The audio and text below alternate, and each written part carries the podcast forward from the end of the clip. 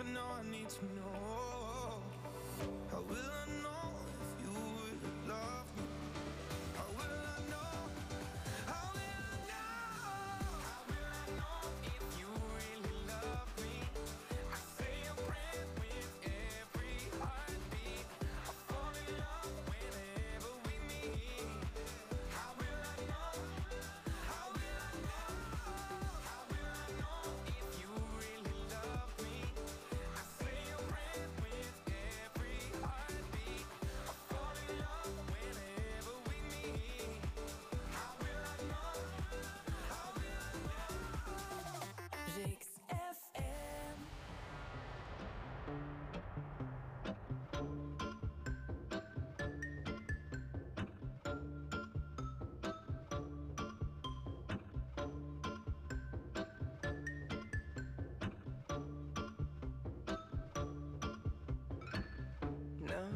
think of when we were together.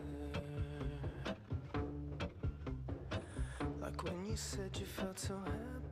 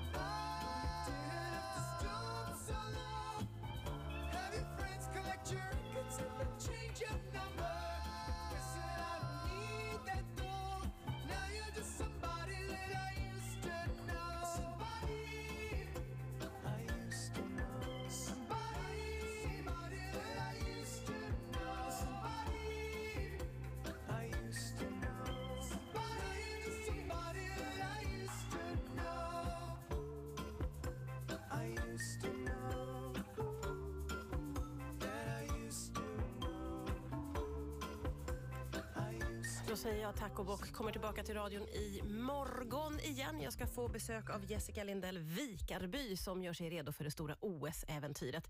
Strax ska Johan Svängberg få ta hand om dig, men först ska du få nyheter från Aftonbladet. Här är Robin Kalmegård. Vi ska börja med att en person har gripits och anhållits idag misstänkt för grovt spioneri, det skriver Säpo på sin hemsida.